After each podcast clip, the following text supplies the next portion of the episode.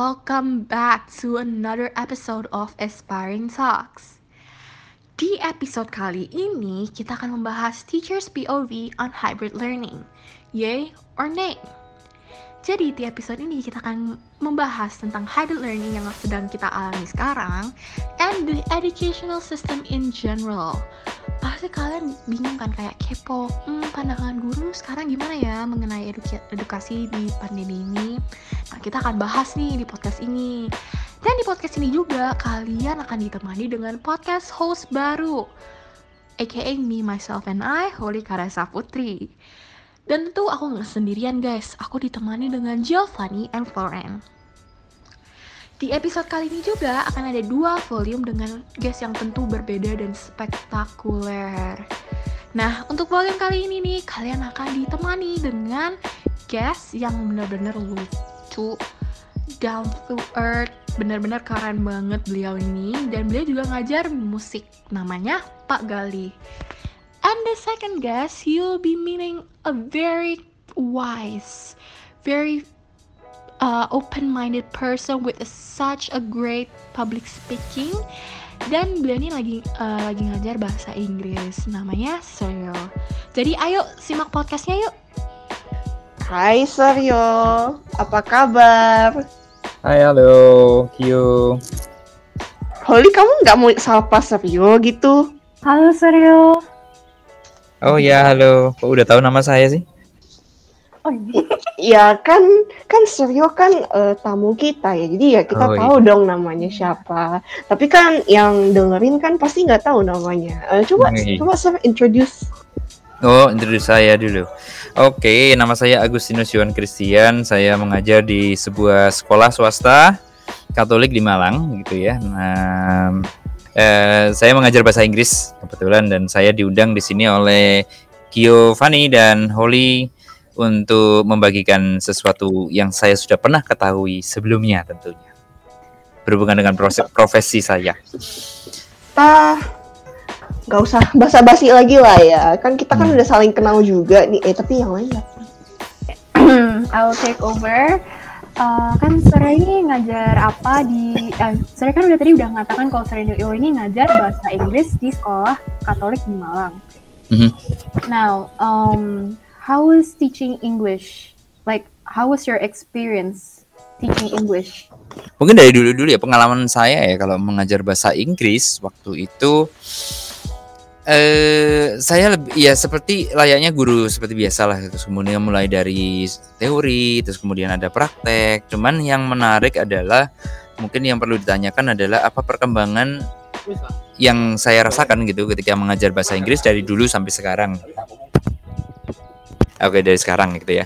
Eh, yang dulu itu, nah eh, kalau ketika saya mengajar bahasa Inggris, itu saya merasakan bahwa I'm the only one I know gitu. Merasa saya ba- bahwa saya adalah satu-satunya yang tahu bahasa Inggris.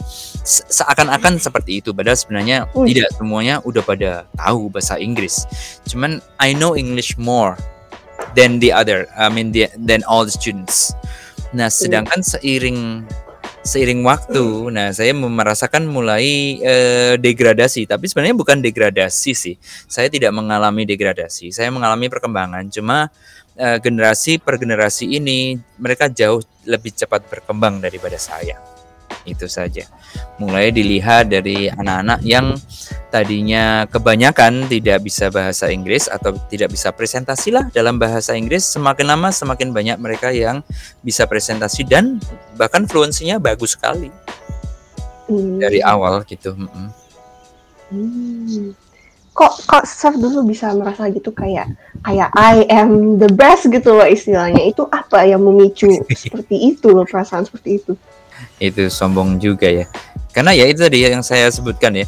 eh, banyak mereka yang sangat kesulitan gitu presentasi dalam bahasa Inggris, bahkan ngomong saja misalnya introduction, simple introduction like saying their names and then their address and stuff itu pun masih mikir pada zaman itu. Nah, itu sangat sering terjadi. Terus eh, apalagi sudah masuk ke topik seperti deskripsi misalnya mendeskripsikan sesuatu atau explaining itu lebih susah lagi, apalagi reasoning atau memberikan argumen lebih sulit lagi. Tetapi semakin lama sekarang semakin baik sih generasi per generasi. Lagi pula eh, dan kelas bahasa juga terlihat perkembangannya. Kalau anak bahasa itu dulu memang ya bisa dibilang mereka kemampuannya cukup rendah ya. Saya nggak bisa ngomong mereka kurang pintar, tetapi mereka cukup rendah lah. Mungkin karena basic mereka juga kurang. Tapi semakin lama dari angkatan per angkatan itu semakin lama semakin baik dan bahkan eh, sekarang kan seperti di tempat saya mengajar itu sudah eh, anak bahasa diperbolehkan memilih jurusan tersebut dari pertama kali masuk ke sekolah. Jadi bisa dipastikan bahwa itu memang sudah pilihan mereka, maka mereka konsekuensinya ya mereka belajar lebih baik daripada kelas yang lain di bidang bahasa Inggris dan bahasa yang lain. Brutally honest ya, Sir. Mm brutally honest. Wah, kalau kalau boleh tahu, Sir, berarti ngajarnya udah dari tahun berapa tuh? Kalau zaman dulu masih belum bisa milih sendiri. Kalau ngajar di sekolah formal maksudnya. Sekolah di sekolah ini, di sekolah yang sedang. Oke. Di s- ya lebih tepatnya ini satu-satunya sekolah formal yang saya pernah masuk ya sebenarnya dari awal sampai akhir itu dari tahun 2006. Oh, Dari tahun Wow. 2006. Ya. udah Lama. sekali. Saya baru dua tahun. Oke, apa apalagi Gio? Oke, so um, pasti di masa pandemi ini kan awalnya online class, terus uh, jadi hybrid. Nah, your experience pas uh, masa pandemi ini, meng- meng- mengajar di masa pandemi ini gimana? Apalagi dengan sistem online class, itu bagaimana, sir? Oke, brutally honest. Honestly sih saya sebagai guru itu saya senang ngajar online, guys. Eh apa ya? Pretty enjoyable to me. Karena begini nih, ada kita kita bisa lihatlah sebenarnya kenapa sekolah itu berjalan selama tiga tahun. Padahal sebenarnya kalau kita pikir-pikir ya, kita ambil contoh saja em, materi akuntansi misalnya begitu. Akuntansi itu ayah saya salah satu guru senior akuntansi di Malang dan eh, beliau sudah mengajar kursus di maksudnya eh, memberikan kursus akuntansi itu sudah bertahun-tahun dan dari situ juga menghidupi saya dan sekolah saya gitu ya. Saya melihat kok bahwa seluruh pelajaran akuntansi itu yang diberikan di kelas SMA itu sebenarnya perlu disampaikan hanya dalam waktu 3 sampai 4 bulan. Cuma dicicil ya. Dikit-dikit-dikit sampai kelas 3 lulus akhirnya selesai gitu. Bahan itu. Begitu juga dengan saya punya materi bahasa Inggris. Sebenarnya satu atau dua materi jika mau disampaikan saja ke siswa hanya dikasihkan ya curahkan pure begitu paling cuman butuh dua bulan sudah selesai sisanya apa sisanya berlatih terus sisanya ada presentasi sisanya lagi ada analisa ada diskusi seperti itu tapi the, the material itself is actually pretty short Nah, dalam online ini kami menyukainya karena begini, eh, ada kemerdekaan sendiri, baik eh, terutama untuk guru yang seperti saya ya. Ketika sebuah materi itu eh, sebenarnya hanya bisa di, disam- hanya perlu disampaikan sekitar 15 menit, ya saya hanya pakai waktu 15 menit. Sisanya 15 menit berikutnya entah diskusi, pertanyaan, membahas yang lain begitu, entah yang berhubungan maupun tidak. Setelah itu selesai. Kita bisa akhiri kelas dan itu bisa mengakomodasi eh, keterbatasan siswa yang mana mereka punya concentration span itu sebenarnya hanya 30 menit. Lebih dari 30 menit jika kegiatan itu tidak diubah, maka kegiatan itu menjadi sangat membosankan. Begitu kan? Nah, itulah saya senangnya di online learning. Tapi toh juga menjadi hal yang kurang itu adalah ketika em, sosialisasi antar teman selama sekolah itu menjadi sangat-sangat berkurang ya. Kan kita tahu kenapa sampai ada orang yang mengatakan bahwa masa-masa SMA itu adalah masa paling indah begitu ya. Itu kan bisa dibilang kebanyakan orang itu pertama kali jatuh cinta itu kan di masa SMA.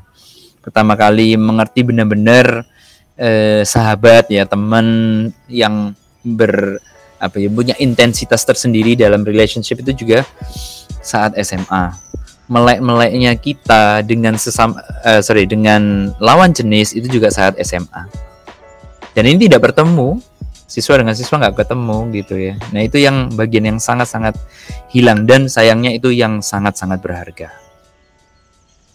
Guys tapi saya saya ngerasa sih bukan cuma eh, pertemanan aja ya murid antara murid ya. Tapi menurut saya juga kayak kedekatan murid dan guru tuh juga kayak kurang bisa gitu gak sih? Apalagi kalau misalnya pas kelas tuh banyak yang off cam dan ya pasti pada alasannya aduh sinyal saya jelek. Aduh eh, mungkin uh, anjing saya gigit kamera saya gitu. Itu jadi ya saya juga ngerasa gak sih seperti itu sama anak-anak yang apalagi yang pada online-nya udah sampai sekarang gitu. Ya, it's undeniable lagi undeniable. Ketika kita sering bertemu begitu ya baik online maupun offline tuh itu yang mendekatkan kita satu sama lain gitu. Jika online saja sering kali juga tidak cukup, tapi butuh offline ya, butuh kelangsungan kita bertemu, melihat langsung, eh, kemudian eh, tidak ada delay ketika kita menjawab suatu komentar begitu. Itu kan hanya bisa ketika offline. Ya saya nggak nggak bisa mendinai saya itu itu sangat-sangat penting. Di, di sini juga menarik ini kalau dari offline semua orang jadinya menjadi tahu ya, terutama dari seusia kalian pun sudah tahu oh ternyata eh, LDR itu long distance relationship itu doesn't really work. Aduh, Lebih jadi lebih promo enak ketemu LDR. langsung. Paling enggak kita melihat sesuatu yang bisa eh, seseorang yang bisa dipegang itu lebih lebih masuk gitu esensinya itu lebih kerasa daripada hanya ketemu di layar. Dengar tuh Holly, jangan halu terus. Holly juga punya anu tuh long distance relationship. Pak. Oh iya sangat long distance Oh, sir. iya. Dia relationship, long distance feeling. Oh, long distance feelings. Okay. Read my lips. It doesn't work. Oh my god. Bangun Li. Choose for Sudah cukup. something else. Sudah cukup halunya Li. ya ampun. Selama mengajar tuh berapa? Satu setengah tahun ya online. Yes, Ada nggak sih yang mungkin kalau eh, mereka tuh gak on cam tuh alasannya mungkin kayak yang aneh-aneh, mungkin kayak eh eh, tetangga saya lagi pakai atau pakai apa namanya laptop saya atau gimana gitu entahlah. Setiap orang selalu punya alasan untuk apa pun sih sebenarnya. Mau off cam, mau berangkat terlambat atau nyampe di tempat tertentu terlambat, mau tidak mengabari orang lain, begitu ya, tidak menjawab message itu semuanya punya alasan. Tetapi mungkin yang ini Gio yang menjadi perhatian saya itu adalah sebegitu pentingnya kah off cam atau on cam? Kalau buat saya sebagai seorang yang tugasnya adalah menyampaikan materi, gitu ya, itu ya buat saya off cam juga nggak masalah. Semuanya off cam juga nggak masalah. Tetapi yang penting itu adalah adanya interaksi. Itu yang penting. Mau off cam, eh sorry, mau on cam, terus kemudian semuanya bisa melihat wajah satu sama lain.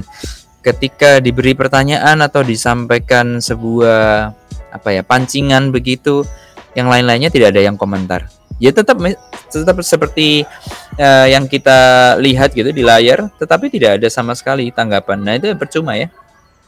Lebih baik yang off cam semua, tetapi ada tanggapan. Ini karena pengalaman saya sih. Saya eh, saya juga di luar pekerjaan saya, saya juga ikut sebuah kelas online, begitu. Di kelas itu tidak ada yang menunjukkan wajah, bahkan coachnya pun tidak menunjukkan wajahnya sama sekali. Dia sampaikan aja materi. Di tengah-tengah yang mereka yang nggak nggak tahu eh, sesuatu atau mungkin ragu akan sesuatu, mereka tanya, Pak atau Bu, eh, kalau bagian ini begini-begini ya, terus kemudian diberikan komentar terus seperti itu. Kita bayangkan aja sebuah telepon ya. Ketika kita menelepon orang, apakah kita melihat wajahnya? Enggak. Enggak kan? Tapi kita dengar suaranya ya. Ada interaksi begitu kan? Bukankah itu yang lebih penting? Hmm. Yes.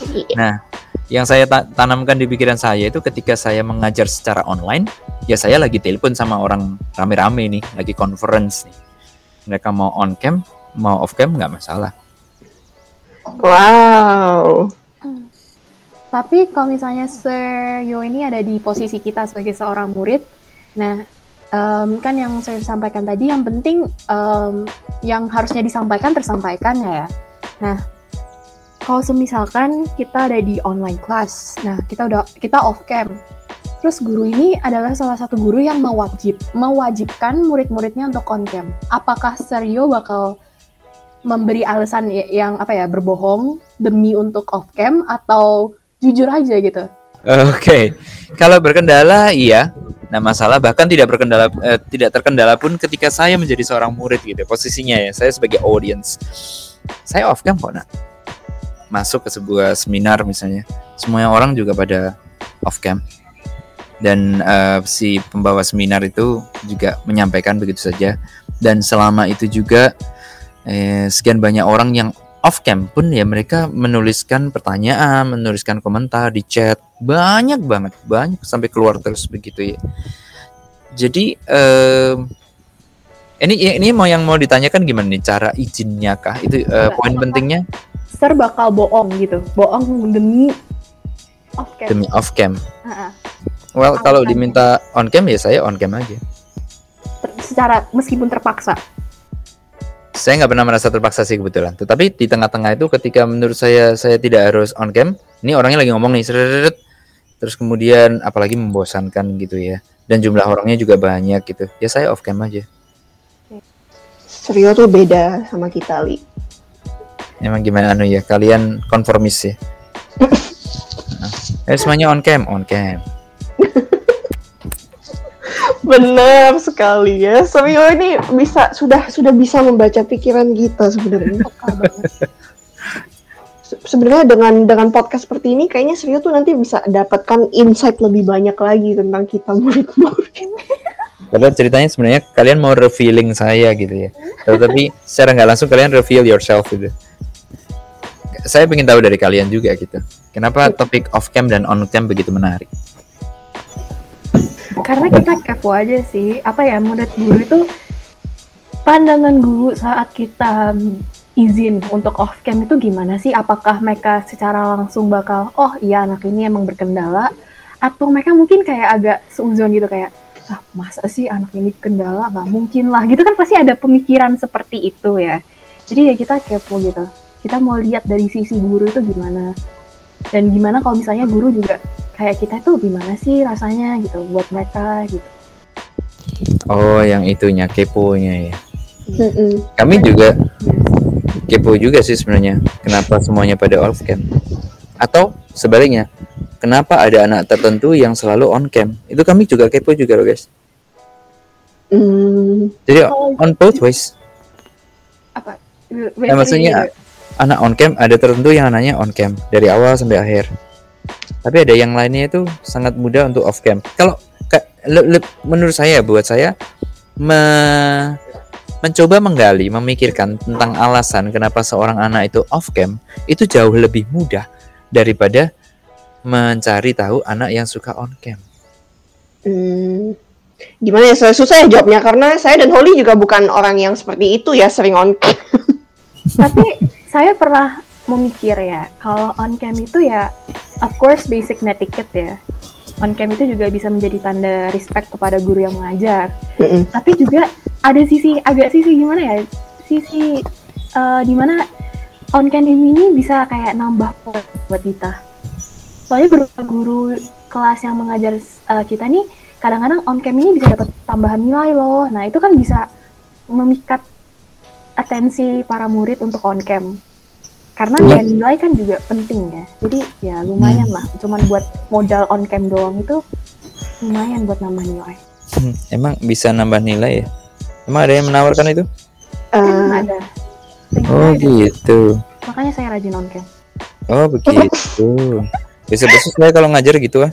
Oh siapa yang on cam saya tambahin 5 Oke, Oh, Sir. boleh boleh sir boleh. Boleh Oh banget. sorry saya berubah pikiran. Ya. Ya, ya jangan PHP dong, Sir. Jangan gitu juga. Sering PHP-in. Basic ya basic etiket itu. Tapi eh, kita perlu tahu sih sebenarnya bahwa banyak di luar sana juga kebanyak mereka banyak yang off cam kok. Nah, bukan di negara kita aja. Tapi yang menariknya negara seperti Hong Kong, Singapura mereka kan juga mengalaminya gitu ya. Eh, sekelas Singapura sekalipun juga mereka menghargai menghargai em, privasi anak ketika dia dalam keadaan online. Jadi ternyata eh, begini, keadaan psikologis seseorang ketika ada di depan kamera itu berbeda ketika berada langsung di depan seseorang. Begitu ya. Mm. Ketika orang itu diekspos melalui kamera itu rasanya beda dengan dihadapi oleh orang yang langsung. Nah, gitu. Sehingga eh, dari situ negara-negara ini kebanyakan mereka menghargai kok eh, anak-anak yang masuk ke sekolah secara online tapi mereka mematikan kameranya. Yang mereka sasar adalah seperti yang saya sebutkan lagi, interaksi. Ketika bertanya, menjawab, ketika ditanyai, menyampaikan opini, gitu. Gitu aja. Hmm. Kar- karena itu saya selalu dianggap eh kali. I didn't support everyone else simply because I'm different. Wih, mantap. Itu kayak quotes-quotes zaman now gitu ya. Kira-kira begitu. Ya kita perlu tahu bahwa eh, orang yang berbeda gitu sering eh, kalian tahu tentang istilah ini kan kambing hitam ya. Hmm. Nah, mungkin saya dulu pernah cerita ya, kenapa kok ada orang tertentu yang disalah-salahin itu selalu dianggap kambing hitam gitu. Padahal kambing kan ada yang putih juga, kenapa nggak disebut kambing putih atau kambing yang lain? Terus kalau kenapa ka- kambing hitam itu apakah buruk? Tidak, sebenarnya kambing putih atau kambing hitam itu bisa mengalami hal yang sama. Intinya satu kambing itu ketika mereka berwarna yang sama, mereka itu bergerombol gitu kayak hoarding jadi satu gitu ya. Dan ketika kita taruh kambing hitam di tengah-tengah kambing putih, semua kambing putih akan mengusir dia. Simply because it's different from the other. Sebaliknya juga sama sebenarnya. Kita punya satu kelompok kambing hitam dan biasa hidup dalam satu peternakan gitu. Taruh saja kambing putih satu. Si kambing putih juga akan ditendang-tendang. Keluar. Iya, Bagi- bener. Oh iya, Sir, ini Sir sekarang lagi lagi di mana nih? Lagi di sekolah atau di mana nih? Ya, sebenarnya saya mau pulang nih, tapi ada podcast ini jadi saya harus bertahan di sekolah. Aduh, aduh. Penuh perjuangan dan pengorbanan, Demi penuh dengan cinta kasih ya. Wah, terima kasih Sir. We are very honored. very very honored. Nah, berarti Ya. Sir di sekolah kan berarti udah mulai ya eh, pelajaran tatap muka dan online. Oh, campuran ini. Ya, sudah mulai, Gio. Nah, ini udah udah seminggu ya, udah seminggu lebih malah kan ya, udah mau dua minggu. Nah, selama ini masa kesulitan gak sih harus mengajar offline sama online tuh secara bersamaan kan ya? Kayak fokusnya tuh kan pasti terbagi menjadi dua gitu. Itu gimana tuh? Susah gak sih atau biasa aja mungkin? Kalau buat saya dan beberapa teman yang sering ya kami satu pikiran begitu, so-so aja sih. Cuman kami merasa kok nggak ada totalitas tersendiri ya. Dalam arti begini loh, ketika kita bertemu dengan eh, teman-teman yang datang ke sekolah on- offline begitu, akhirnya juga nggak jalan offline offline juga. Karena mereka yang online dan offline diajar dalam waktu yang sama di ruang Zoom yang sama oleh guru yang sama. Betul ya? Akhirnya the most effective way adalah menggunakan Zoom kan. Iya. Itu undeniable loh. Kalau kita menggunakan langsung, tatap muka langsung, sedangkan yang lain ada di rumah, kita nggak bisa reach out ke mereka kan. Tetapi ketika kita menggunakan Zoom meeting atau mungkin Google Meet seperti ini, eh, Google Meet terus ada yang lain-lain ya, Go to Meeting dan lain-lain, itu semua orang bisa masuk ke situ. Gitu ya. Orang bisa masuk ke situ. Yang mereka yang ada di kelas bersama orang yang sedang melakukan Google Meet masih bisa mendengarkan apa yang disampaikan oleh si pembicara. Make sense ya? Jadi menurut Iya. saya bukan masalah eh, mecah pikirannya itu menjadi merepotkan eh, sebenarnya tidak tidak merepotkan karena saya termasuk guru walaupun tua saya catch up dengan eh, skill-skill yang dibutuhkan di dunia sekarang begitu. Jadi saya bisa catch up sama yang muda-muda. Jadi nggak masalah buat saya masang alat terus kemudian nyalakan zoom meeting dengan eh, ID dan passwordnya nggak masalah. Masalahnya adalah nanggung gitu loh guys semuanya. Kalau majority itu online kenapa nggak online aja semua? Sudah. Kalau offline offline offline aja semua. Tuh. Hmm, kayaknya Serio ini salah satu guru yang eh, kurang kangen sama offline school ya. saya sedang menik menikmatin online school guys. You know what? You know what ya to be honest ketika kita menjalankan online uh, learning ya walaupun kita kehilangan interaksi langsung which also uh, a treasure gitu untuk kita semua terutama guru dan murid saya di pengalaman saya saya punya cukup lebih banyak waktu untuk mengembangkan diri saya sendiri loh saya bisa belajar hal baru, saya membu mencoba membuat video, saya bisa melihat kembali RPP. Kalian perlu tahu ya guys, ini brutal truth lagi nih. Kebanyakan guru di Indonesia, eh enggak enggak, sorry enggak ngomong di Indonesia deh. Kebanyakan guru deh, saya yakin majority mereka bikin RPP atau rencana pembelajaran itu nggak ada yang dijalanin kok sepenuhnya. Ups. Betul. Itu satu. Yang kedua, ketika mereka menjalankannya begitu, saya yakin hanya sedikit guru yang mereka merevise atau giving revision untuk rencana mereka atau mencoba sesuatu yang baru untuk rencana pendidikan mereka di semester berikutnya jika semester itu terulang. Begitu. Ketika online ini terus terang ini memberikan waktu yang cukup banyak untuk saya, kelebihan waktu yang cukup banyak untuk mencoba hal-hal baru. Thinking about a lot of things. Bahkan dulu saya nggak mengerti tentang Slido, Kahoot gitu ya. Ketika guru-guru yang lain belum coba terus ada anak yang coba saya coba. Bisa nggak ini masuk ke pelajaran? Apakah ini hanya polling-polling aja? Atau atau bisa yang lain? Saya coba kalau di gini bisa nggak bisa nggak memang tabrakannya adalah uh, masalah berlangganan sih andai kan sekolah mengizinkan begitu saya akan langganan itu semua semua ya nggak tanggung Iya dong. tanggung saya Iya dong, eh, Slido Premium, Kahoot Premium, Quizzes Premium, Wih. apalagi Wih, eh Perdek Premium. Kalau perlu punya itu semua. Kalau nggak bisa eh, satu ya beberapa lah, tapi kami semua boleh pinjam ketika mau kasih kuis dan seterusnya. Tuh. are you in the majority atau minority of the teachers yang seperti itu? Yang seperti yang tadi sir katakan. Isn't it easy to see? ya Hmm, kind of kalau- obvious ya ya kalau menurut saya sih minority sih ya. Minority, nah, agak agak sulit. Kan kita tadi udah sampai di topik eh, kambing hitam ya. Saya termasuk kambing hitam kok. Hmm, beda daripada yang lain. Kambing hitam, satu-satunya kambing hitam di antara yang putih. Betul, atau kambing putih di antara yang hitam. Oke. Now, um, as a teacher, sebagai guru, Seryo ini pernah mengalami burnout nggak? Kayak exhaustion, like mentally sama physically because of the stress, or ya stress selama pandemi ini dalam mengajar, dan cara Ser mengatasi burnout ini gimana? Ya, honestly, uh, frankly speaking, bukan pernah, tapi sedang mengalami. Saya sedang mengalami.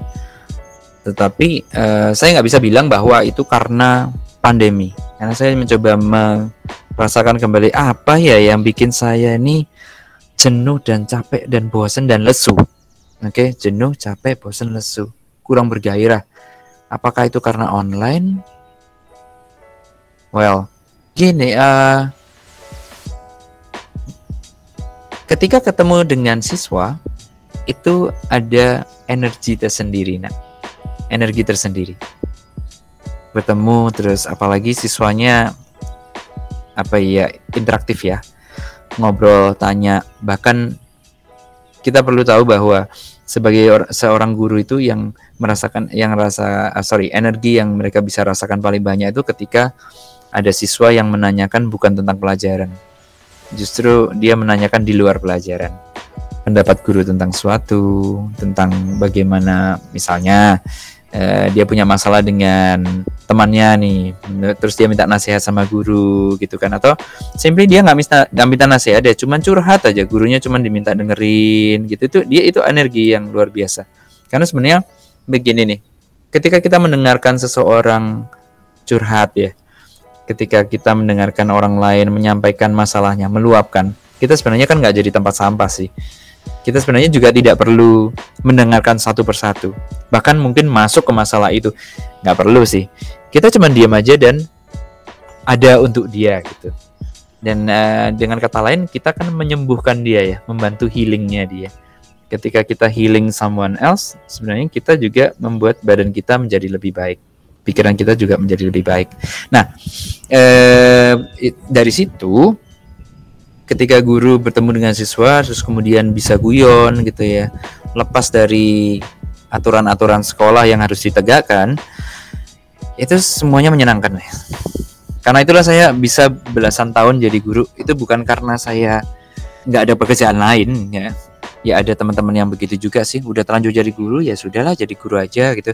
Nggak saya karena memilih kok. Saya memilih untuk mengajar dan saya saya tahu bahwa saya cocoknya adalah ngobrol sama anak-anak SMA maka saya milih untuk menjadi guru SMA dan saya bertahan di profesi ini so far nggak pernah hilang tuh happy-nya Hmm. Mm-mm. Wow. kalian nggak tanya burnout-nya kenapa Ya boleh dong, kamu nih burnout. Kalau buat saya pribadi, nak burnout itu hubungannya dengan manajemen. Manajemen siapa ya? Manajemen yang ada di sekolah. Hubungan saya dengan teman, dengan atasan gitu. Keputusan-keputusan yang diambil oleh atasan dan seteru- seterusnya itu kan manajemen sekolah ya. Itu yang membuat sering kali kami-kami yang eh, bersedia dan senang hati gitu berada di kelas itu menjadi burnout. Hmm. Gitu sih. Dan sepertinya Seryo ini juga suka ngegosip dengan Ah, anak-anak, ya kan Sir? Oh iya, enggak aku nggak bergosip kok, cuman tukar pikiran. Oh, Nah, oke kalau ya. gosip, oh, iya dong. Oke. Kalau gosip tuh, eh itu loh suaminya itu loh, deket-deketin si siapa itu kemarin Ayo, tuh jalan-jalan, Bo. Itu gosip. Ya, istilah lebih halusnya lah ya. Coating-nya. Sebenarnya sama aja kan ya. Iya. Saya tuh sebenarnya suka, aduh guys, bu suka memancing untuk mengerti pola pikir anak-anak gitu ya, teman-teman di kelas gitu. Dengan tujuan sih sebenarnya, dengan tujuan menginfluence mereka sebenarnya. Itu itu itu refleks sudah saya yang saya lakukan. I try to influence my students. Uh, Really. influence contohnya seperti apa Sir? Iya. seperti kalau saya misalnya kalian murid saya ya mesti saya akan tanya nah eh, dan ini ceritanya ngobrol-ngobrol sampai akhirnya ketemu sama konteks itu gitu ya konteks tentang peraturan misalnya gitu terus saya biasanya mancing tanya kalian menurut kalian kenapa kita harus masuk sekolah jam 7 pagi jawabannya apa coba Hmm, mungkin karena kita lebih fokus kali kalau pagi. kita lebih fokus kalau pagi betulkah Tapi gimana ya? Kan nggak semua nggak semua orang tuh fokusnya di pagi. Ada yang mungkin night owl, tapi Hmm. nggak tahu ya. Iya. Kalau dipikir-pikir iya juga ya. Kenapa ya masuk jam 7 pagi? Iya. kenapa di luar negeri mulainya dari jam 9 kenapa kita pilih jam 7 I'm not sure about that. Eh, Kayak that question never crossed my mind gitu. Tapi pertanyaannya bukan kenapa jam 7 pagi ya. Ini pertanyaannya adalah kenapa siswa harus datang jam 7 pagi? Nggak boleh terlambat. Ah, karena siswa itu harus menunggu, bukan ditunggu. Hmm. Are you sure? Couple answer. Eh, dilatih supaya tepat waktu mungkin. Tepat waktu bisa jam 7, 7, 9, 7.30, 8 sama aja. Maksudnya kayak tepat waktunya in a circumstance di mana mereka harus mengikuti peraturan yang sudah ditetapkan. Nah, asik kan? Ya, itu berarti secara nggak langsung kan saya mengajak kalian untuk berpikir. Iya. Saya punya jawabannya sih. Nggak tahu orang lain setuju atau enggak. Siswa itu harus datang jam 7 pagi dan tidak boleh terlambat. Kenapa? Karena pelajaran dimulai jam 7 pagi. Kalau kalian datang setengah 8, kalian ketinggalan. Begitu kan? Ternyata jawabannya sesimpel itu ya. Iya, kalau datang setengah 8 rugi dong. Rugi. Aja. Dan guru tidak punya tanggung jawab untuk mengulang pelajaran yang ditinggalkan oleh siswanya. Make sense ya? Siswanya datang terlambat ya udah guru ja- jalan aja wong yang lainnya mulai jam 7 kok. Tapi kebanyakan siswa akan ngomong ya nanti itu soalnya sudah aturan, Pak. Sudah aturan. Apa aturan harus semuanya dijalankan? oh iya, nanti supaya saya tidak dihukum, tidak dapat sanksi gitu. Oh jadi kamu selama ini datang pagi cuman karena takut sama sanksi. Nggak takut nggak takut sama kehilangan pelajaran. nggak takut sama kehilangan kesempatan mendengarkan sesuatu yang hebat dari guru. Gitu ya nggak sih? Eh, jujur saya saya shock. Satrio ini suka eh, jadi seperti istilahnya juga memancing memancing amarah. Emosi. Emosi. lo kok bisa lo? Saya memastinya emosi.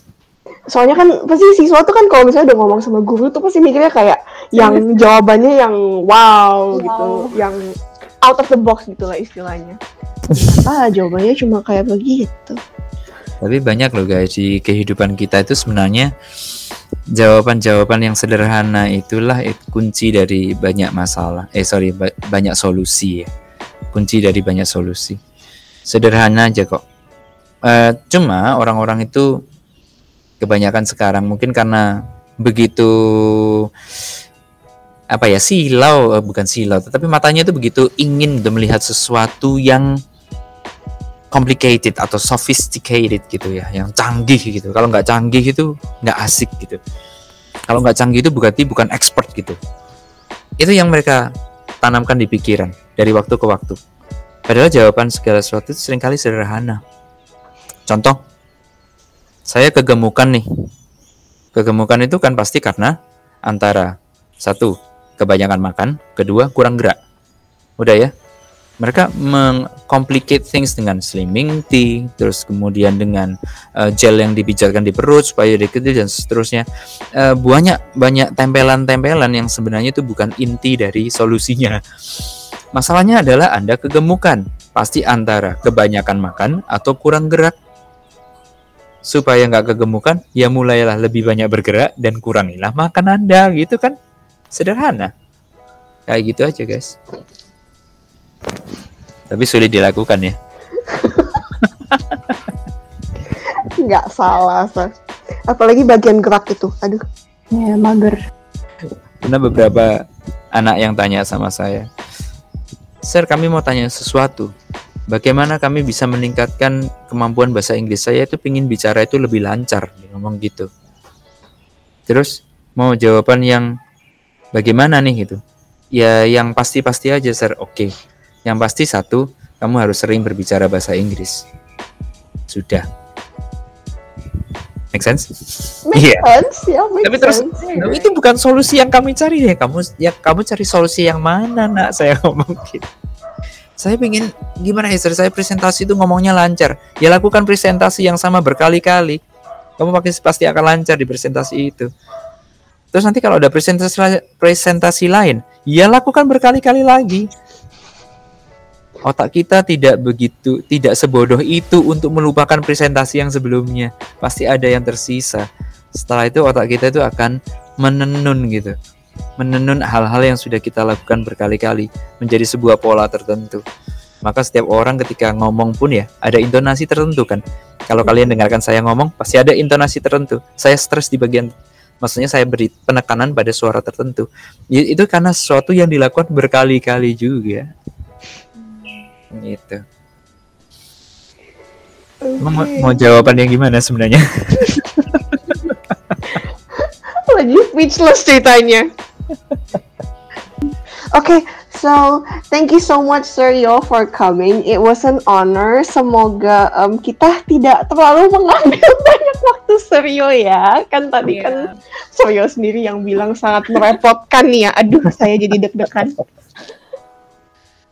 Okay, so that's it. Oh, Okay, we are.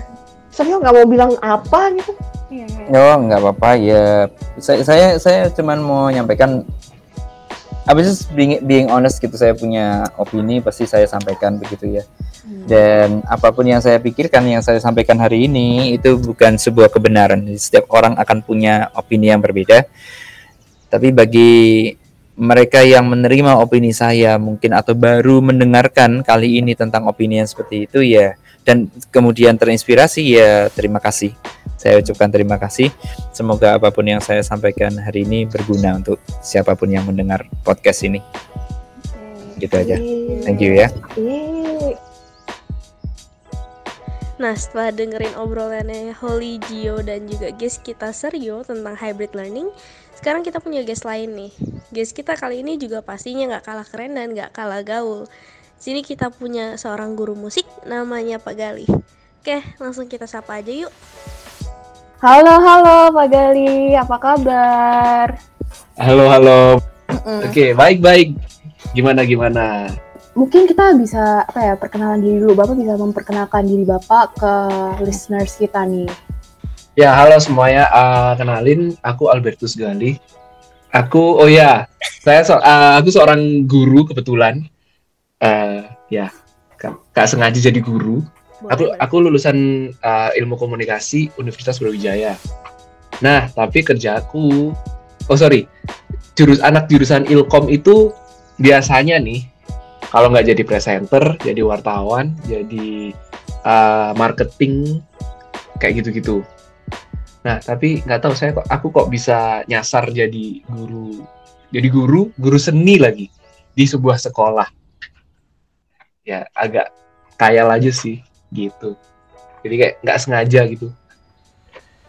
Gitu. Terus uh, umur umur kita keep keep lah ya.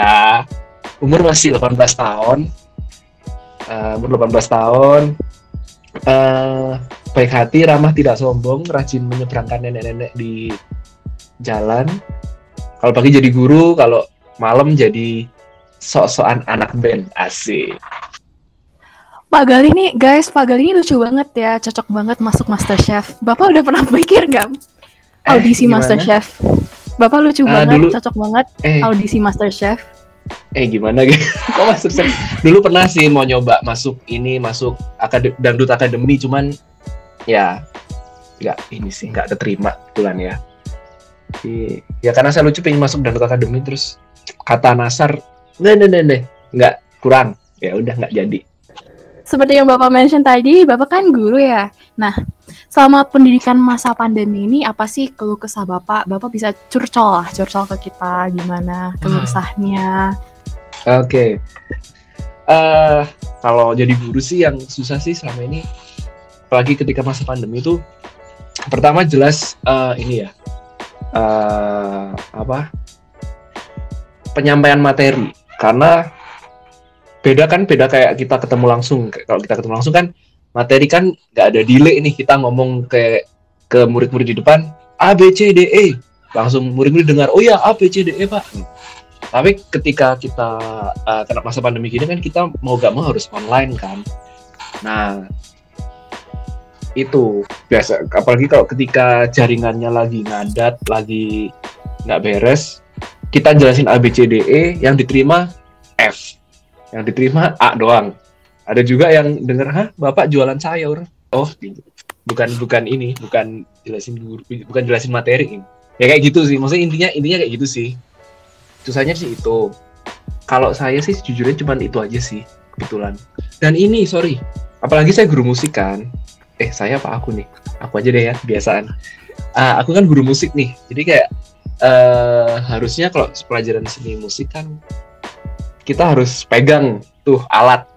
Entah misal kita lagi belajar uh, gamelan uh, alat musik tradisional kayak gamelan atau apa. Kayak waktu kalian kelas 1 kan harus pegang alatnya tuh. Nah sekarang masa pandemi gini apa yang mau dipegang? Kayak nggak semua anak tuh punya alat musik gitu loh. Nah dari situ akhirnya eh, jujur aja tahun pertama aku ngajar pas pandemi ini kayak, wih ini gimana nih kayak eh, mau ngajarin apa? Anak anak-anak juga alat pada nggak punya kayak gitu-gitu. Terus akhirnya tapi belajar dari pengalaman itu oh berarti saya aku akhirnya cari yang eh, apa cari cari titik tengahnya nih apa yang kira-kira anak-anak ini bisa lakukan bisa pelajaran bisa melakukan pelajaran seni musik rumah. Ya udah akhirnya aku kayak eh, oh ini bisa nih kita bikin eh, apa cover lagu. Jadi ada temen yang gitar ada temen yang nyanyi gini-gini. Ntar digabung diedit jadiin video. Kayak gitu-gitu akhirnya. Itu sih harus improve banget sih kalau eh, ketika ngajar di masa pandemi ini. Karena benar-benar berbeda dengan kita belajar selama ini gitu. Gitu. Saya aja dulu belajar eh, ini apa belajarnya offline. Maksudnya ke- kebiasa belajar offline kan. Terus begitu door kena online wow harus gimana? Gitu. Tapi itu ya puji Tuhan di tahun kedua ini ah, karena belajar dari pengalaman apa dari tahun pertama jadi oh aku paham nih harus dibuat oh harus gini gini gini gini gini. Ya udah gitu sih dituntut harus improve banget itu sih susahnya Senengnya apa Hmm? Kak senengnya? Nah, kalau senengnya sih, eh senengnya sih apa ya? Kok jadi nggak ada? Bentar. Senengnya apa ya? Senengnya sih mungkin jadi lebih ringan sih. Karena kalau biasanya kan kalau pas offline kan kita ngajar Senin, Selasa, Rabu, Kamis, Jumat, Sabtu. Nah, begitu online ini eh, jadi dibuat seminggu cuma dua kali doang. Jadi dan kelasnya digabung. Jadi misal hari Selasa, Selasa pagi itu uh, misal kelas bahasa doang. Terus kemudian jam ketiga empat uh, IPS 1 2, jam sisanya IPS 3 4 gitu. Enaknya sih di situ, enaknya sih di uh, di jam pelajarannya jadi lebih dikit sih. Terus kemudian hmm, itu doang sih kayaknya. Apalagi ya senengnya ya. Hemat uang bensin ya Pak ya? Oh, digantikan uang bensin, digantikan uang kuota. Mohon maaf Ibu, sama aja sebenarnya. Anda mikir berapa kuota yang habis? Sama aja jatuhnya. Beneran, tapi serius. eh, emang sih apa eh, uang bensin tergantikan, hilang, ibarat nol. Eh, apalagi rumah saya kan jauh banget kan. Tinggal nyebrang doang nyampe. Tahu nggak sih rumah saya di mana? eh kok rumah saya? Rumahku di mana tahu nggak sih? Tebak doang. Di sekitar mana? Tahu nggak? Sulfat, Nggak. lebih jauh berarti. Masih malam Deket kota. ABM. Deket ABM. Itu lumayan deket nggak sih Pak? Kampus deket banget. Aku cuman, aku ya kalau keluar kalau keluar rumah ke sekolah nih, tinggal lurus, puter balik nyampe. Bener-bener sedekat itu. Gitu. Itu sih uang bensin eh, tergantikan apa? Nol, jadi nol, hampir nol. Ya, tapi dipindah ke uang kota, Ibu. Mohon maaf, kayak uang kuota 100 100 ribu itu kadang cuma bertahan 2 dua tiga minggu. Apalagi kadang kalau internet internet wifi lagi ngadat dan eh, dompet lagi tipis mau ke kafe nggak bisa, ya terpaksa mau nggak mau kuota gitu. Itu sih. Gitu. Kalau misalnya nih, misalnya nih Hmm. Kalau online itu kan banyak kan biasanya yang off cam gitu, nggak nyalain kamera atau yang nggak ikut zoom gitu kan ya. Mm-mm. Kan biasanya banyak alasan tuh kayak jaringannya error gitu. Menurut Bapak alasan-alasan kayak gitu tuh logis nggak sih atau terlalu mainstream gitu? eh jujurly, jujurly logis sih menurut saya. Karena menurut eh, karena eh aku sendiri juga pernah ngalamin kayak kalau eh camku nyala nyandet nih apa eh, nyandet duh kok jadi campur Eh, ngadat nih eh, apa sinyal. Tapi begitu camnya aku matiin wah lancar nih kayak gitu. Tapi saya tahu di balik alasan-alasan itu kadang juga ada murid-murid yang malas menyalakan. Benar sekali Pak, benar. Aku tahu, jangan bohong kalian. Pak, nih, apa cam saya ngadat nggak bisa nyala. Hmm, balik mungkin ya, mungkin ya dari 10 orang yang bilang gitu, 9 itu bohong. Udah, kita tahu, kita guru-guru tahu apa akal bulus kalian. Enggak, Nah, tapi, tapi kalau misalkan Hmm? eh ya Bapak dulu Oh, ya. iya.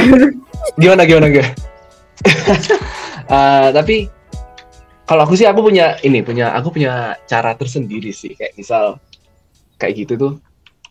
Justru anak-anak yang off cam itu yang sering aku tunjuk. Misal nih aku habis jelasin bla bla bla bla bla bla oke coba praktekkan. Hmm, yang kameranya mati siapa ya? Percaya nggak? Dengan aku ngomong gitu langsung nyala semua. Meskipun yang tadi bilang Pak cam saya nggak bisa. Rusak. Lah." nyala semua. Percaya deh sama aku. Langsung nyala semua. Gitu. Emang kadang-kadang ya eh, anak-anak bohong. Lu kira guru nggak bisa bohongin lu? Bisa kali. Gitu. Karena kayak nggak nggak ini sih kayak nggak mungkin banget eh apa hampir banyak orang ya mungkin sih eh, ada kemungkinan seperti itu. Tapi eh awal-awal sih aku percaya nih kayak oh iya mungkin emang error mungkin emang gini. Tapi lama kelamaan kok anak-anak ini doang yang off cam off cam ya. Kok tidak pernah berubah dari dulu. Hmm. Terus aku nyoba ya itu tadi. Lah kok nyala? Langsung webcamnya dinyalain. Hmm, anda berbohong anak muda gitu gimana gimana tadi Holly mau ngomong apa nih tabrakan mulu dari tadi gimana gimana Aku sih mau nanya Pak, kalau misalkan ya Bapak di posisi murid-murid itu mungkin nggak sih Bapak bohongin guru? Mungkin nggak alasan Hmm. Bapak kayak gitu juga? Saya mau tahu sih Pak. Saya kepo dengan Ya. pemikiran guru gitu gimana di posisi murid gitu. Hmm. Iya, guru kan juga manusia ya. Berarti iya bohong. Eh, sometimes tergantung. Jujur ya, kalau kalau misal aku pribadi, eh kalau materinya aku nggak tertarik, aku aku off cam sih, jujur aja. Ya, maksudnya kita nggak bisa eh, apa ya? Ya kita kita paham sih kayak tiap orang tuh punya passionnya masing-masing gitu. Kayak eh apa ya? Nggak semua orang tuh suka pelajaran elu gitu. Nggak, nggak semua orang tuh suka pelajaran ini. Nggak suka semua orang pelajari atau mungkin materi ini nggak semua orang tuh suka. Jadi ya itu. Kalau secara jujur ya aku bakal gitu sih kalau materinya aku nggak suka gitu. Kayak misal aku eh, dapat materi perundang-undang dasar negara Republik Indonesia. Hmm, karena aku kurang suka membaca seperti itu ya kata baca tak off cam sih aku. Aku off cam sih biasanya tapi kalau undang-undang ya kita harus tetap me ini me- berusaha membaca karena itu untuk memajukan negara kita Wih. takut Wih, aja sini tiba aku takut aja abis ini tiba-tiba hilang gitu aku nggak ya maaf presiden saya warga negara yang berbakti kok Oke. Eh, nah, kan sekarang nih udah mulai masuk di mana eh, mengajarnya itu kan offline sama online. Secara bersamaan juga kan. Nah, Bapak ini kesulitan nggak membagi fokus Bapak untuk murid yang ada di laptop sama murid yang ada di hadapan Bapak? Terus eh, Hmm. karena online juga ada fasilitasnya sendiri ya, ada webcamnya lah apa, kesulitan nggak sih Bapak untuk mengeset itu semua dalam waktu yang mungkin bisa dikatakan singkat? Oke, kalau bicara fokus sih, eh aku sih nggak terlalu ini sih, nggak terlalu nggak terlalu kesusahan sih jujur aja, karena eh apa ya, kan enggak sih karena mungkin karena settinganku ini kamera, eh, ini misal laptop yang ada foto anak, eh, ada cam anak-anak di depanku, di depanku eh, agak serong dikit, terus yang anak-anak kan di depanku banget nih, jadi tinggal kayak ngomong kayak ngomong bareng aja kalau aku sih nggak nggak terlalu kesusahan sih untuk bagian itu. Kalau untuk settingan kalau untuk nyeting eh kalau untuk menyeting ruangan menyeting apa? Kayak alat-alatnya itu kebetulan di sekolah udah disiapin sama sama sekolah udah disiapin udah disettingin. Jadi guru tinggal datang colok laptop udah kelar gitu cuma mulai webcam yang ada di tengah, terus mulai uh, LCD semua udah ready. Internet atau apa laptop bahkan untuk uh, dual device semua sekolah udah nyediain gitu. Oke, terus Bapak kan tadi juga bilang kan, Bapak kan guru musik nih. Terus kalau pandemi jadi susah karena anak-anak muridnya nggak bisa pegang alat musik kan. Mm-mm. Jadi menurut Bapak tuh online class tuh sebenarnya membebani materi pelajaran musik gak sih? Tergantung materinya. Nah, kalau misal kita materinya tidak menggunakan alat musik, tidak perlu sampai menggunakan alat musik, sama aja sih kayak kayak uh, kayak ketika kalian offline dan megang alat musik itu sama sih. Jadi tergantung materinya. Mungkin kalau ya mungkin itu tadi mungkin kita harus improve sih. Nggak semua materi bisa eh, bisa kita pakai ketika online kayak gini. Contoh musik tradisional deh, ketika kalian kelas 1 gamelan, terus sekarang kalian kelas 3 dapat gamelan lagi tapi kudu online. Apa yang kalian pukul anak muda? Gak ada. itu. Jadi makanya kayak wah, apa ya yang bisa dipakai nih ketika online? Oh, mungkin eh, bikin virtual choir. Oh, mungkin bikin eh apa? Bikin eh, musik alat mi- bikin musik kontemporer dari alat-alat dapur gitu. Jadi kita nggak bisa memaksain kita belajar piano nih, kalian semua harus punya piano. Wow, ditombak aku sama orang tua kalian. Oke, next questionnya itu, Bapak ini pernah ngajar anak TK kan ya? Ah, Em, bagaimana perasaan Bapak itu, apa ya, perbedaan dari ngajar anak TK sama anak SMA? Apa kesulitannya ngajar anak SMA? Apa kesulitannya ngajar anak TK? Kesenangannya masing-masing apa gitu? ah, jujur nih, ya aku eh, ngajar anak TK sama ngajar anak SMA itu menurutku hampir sama sebenarnya. Karena karena gini, anak TK itu eh apa? eh apa ya? Anak TK itu nurut. Pertama, anak TK itu nurut. Jadi kita nyuruh gini gini gini gini gini. Oh iya, iya oke, ikut. Maksudnya masih gampang ik- ter- eh, eh, ikut arus gitu loh. Jadi kalau misal ada satu aja anak yang nyanyi, misal, ntar teman-teman yang lain juga bakal gerumbul semua ikutan nyanyi gitu. Nah, samanya adalah dengan anak SMA. Kalau anak SMA itu sudah ngerti dan mesti bisa kita ajak ngobrol gitu loh. Kayak eh pendekatan menurutku sih pendekatan dengan anak SMA dan anak TK itu sama. Sama eh, kuncinya adalah kita jadi temennya. Bedanya ya treatmentnya, treatmentnya ketika kita ber- bermain bersama anak kecil ya kita harus jadi anak kecil, gitu supaya biar kita bisa masuk, kita bisa eh, merangkul mereka itu kita eh, jadi anak kecil gitu. Kemudian kalau misal kita dengan anak SMA ya kita jadi temen, kayak kayak ngobrol kayak gini gitu, itu sih. itu kalau dari aku pribadi, mungkin eh, orang-orang lain ada yang ada yang sependapat yang tidak, mungkin ada yang menganggap kalau dengan anak TK itu kamu harus jadi guru, kamu harus jadi orang yang ditakuti kayak gitu. Ber- ya, berbagai macam treatment lah ya. Tapi kalau aku pribadi sih aku lebih cocok kayak udah kayak jadi, jadi bikin jadi kayak temen aja. Jadi kayak ngajar kalau misalnya ngajar TK itu jadi lebih kayak bermain. Nah kalau ngajar anak SMA itu lebih kayak ngobrol kayak gitu sih. Justru paling susah itu ngajar anak SD tau. Kenapa tuh Pak? Serius, aku itu ya jujur aja aku itu nggak pernah marah ketika aku ngajar. Ngajar anak TK, an- anak SMA tuh aku nggak pernah sekalipun marah. Ngajar anak SD kelas 3 ya Tuhan.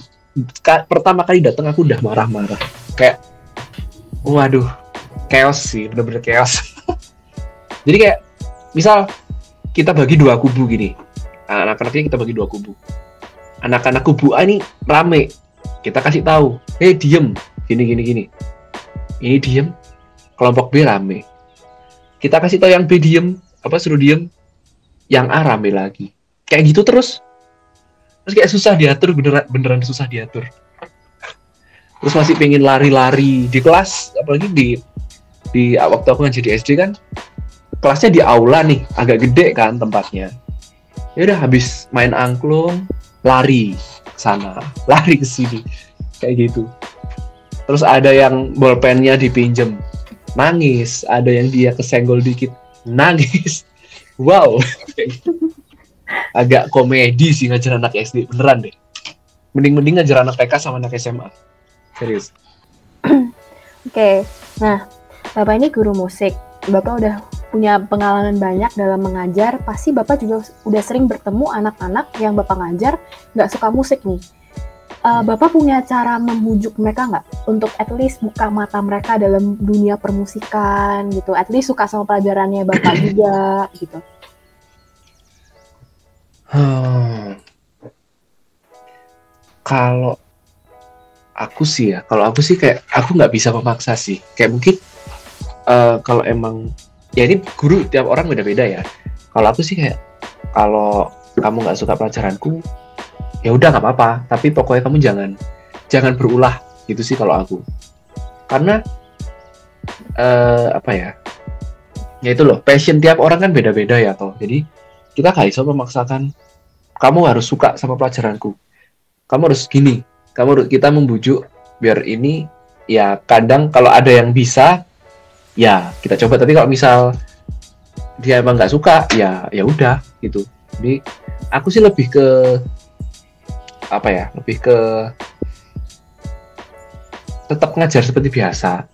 Kalau misal dia nggak suka ya udah kalau misal dia nggak su dia dia suka ya puji Tuhan biar dia nggak suka ya ya udah gitu. Karena ya, menurutku kita nggak bisa maksa sih. Daripada kita eh apa me- membujuk takutnya malah ih apaan sih? Kayak gitu.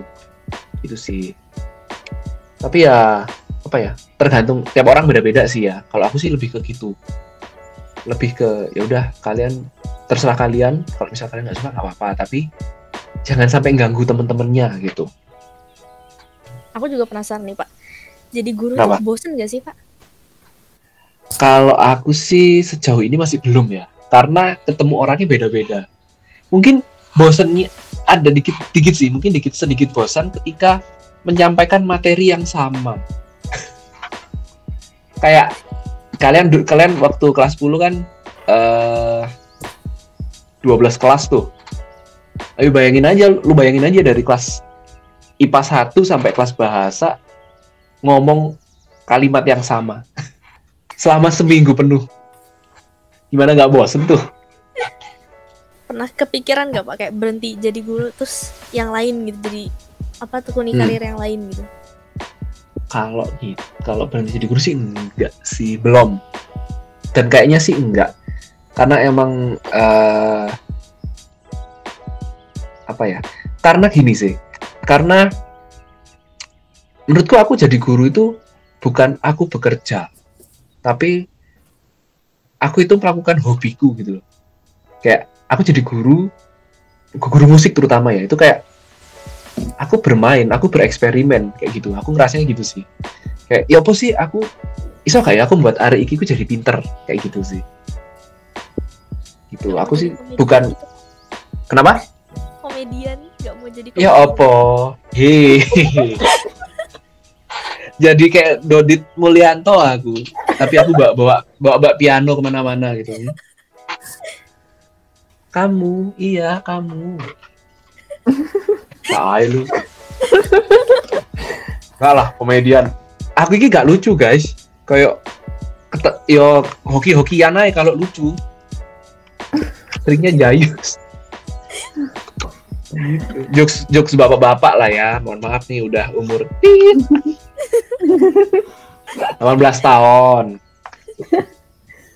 Oke, Gitu. aku nih ada question yang mungkin mengagetkan, mungkin nggak ya out of the box banget buat bapak nih mungkin kaget ya. kaget kaget kaget Belum Belum. pak, belum, Oh, belum, belum. belum, belum. oh, udah udah Persiapkan Ya, apa ya, dulu ya ya? pak.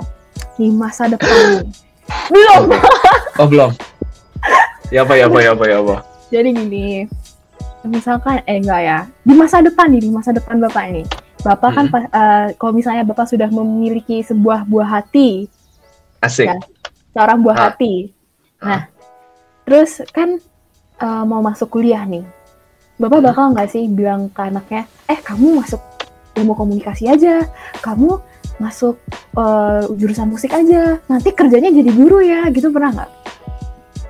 Pernah nggak ada kayak Ah, nggak sih. pemikiran? Nggak. Kenapa pak? aku nggak gitu kan aku nggak nggak akan membuat nggak akan membuat seperti itu karena aku mengalami sendiri kayak eh apa ya kan aku dari sebenarnya dari udah dari kecil aku kan belajar musik dari kecil kan terus emang awalnya aku nggak suka banget tapi lama kelamaan oh ternyata musik tuh fungsinya ini ya bisa buat gini ya bisa buat ngait cewek eh canda gitu nah eh terus ketika aku SMA aku mau kuliah itu kan aku sempet eh, mau pengen banget kuliah di UPH kalau nggak UPH diisi eh, apa jurusan kalau di UPH jurusan konservatori musik. Konservatori piano sorry. Terus yang diisi itu ya jurusan musik seni seni musik jurusan seni musik gitu loh. Nah nggak boleh karena katanya musik itu kamu bisa les aja gini gini gini gini. Ya emang sih bisa les aja tapi eh akhirnya sekarang apa ya ketika aku benar-benar terjun di musik kayak gini jadinya kayak agak susah sendiri sih jujur aja. Karena ya ya lu pikir aja deh eh, lulusan ilkom kerjanya guru musik di sekolah lagi. Gimana nggak nyelentang tuh kayak gitu sih Eh, dan berkaca dari itu akhirnya aku nanti misal misalnya punya anak ya terserah kamu mau kuliah apa pokoknya kamu tekuni di situ gitu. Itu karena yo apa ya eh, kerja sesuai passion itu bener-bener enak banget beneran nggak bohong aku Bapak ada pertanyaan Iya. nggak buat kita, Pak? ah Gantian dong, gantian. apa ya eh kalian nah ka- kalian sendiri gimana nih eh lebih nyaman online apa offline sekolah eh online Pak. Iya, online. Udah PW, Pak. karena udah bisa lu tinggal tidur tidur kan di kamar Sambil makan Nyala. gitu, off cam ya. Ya. ngawur ngawur Jam kos lebih banyak loh, Pak. kenapa Jam kos jadi lebih banyak. Iya, jam kos. ya iya sih. Tapi ini deh eh kalian itu kan kalian secara ini ya. Mungkin eh apa ya Oke. itu kan secara hmm, apa ya istilah ya? Aduh tadi mau ngomong apa sih? Tiba-tiba lupa. Bentar deh. Eh, nah tapi secara ini itu kan secara kalian personally ya. Tapi kalian pasti deh pasti merasain kayak eh, aduh kayak nggak punya temen nih kayak ya mungkin karena kalian eh, kelas 1 udah pernah ketemu sekelas ya pernah ketemu sekelas terus akhirnya ketika online seperti ini yo si mas yo si ya masih eh masih istilahnya punya temen. Nah kalian ngebayangin nggak kalau kalian eh, online kayak gini kemudian kalian tuh kayak sekolah tapi nggak kenal satu sama lain karena kalian tuh nggak pernah ketemu Pernah sih, Pak. Saya mungkin jadi Pak. ansos, Pak. Iya loh, tapi itu serius deh. Kamu tau gak sih kayak anak-anak kelas 1, kelas eh, kelas 10, kelas 11 sekarang itu eh, ketika di sekolah diem, di kelas diem, sumpah. Bener-bener diem, nol, nggak ada suara sama sekali. Kasian tau sebenarnya. Kayak bener-bener ya kalian kalau biasanya di kelas kan wah wah wah hai hi.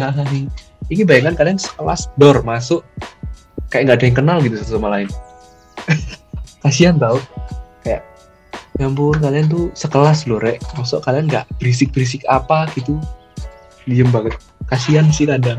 Karena mungkin like kelas 2 karena mereka belum pernah ketemu satu sama lain in of flash gitu loh guys. Kayak belum pernah hei aku Galih kamu siapa? Kayak gitu apa? Tadi kamu ngomong Hul? Karena perkataan Bapak sih jadi saya jadi apa ya berterima kasih sih sempet offline gitu meskipun coba sebentar.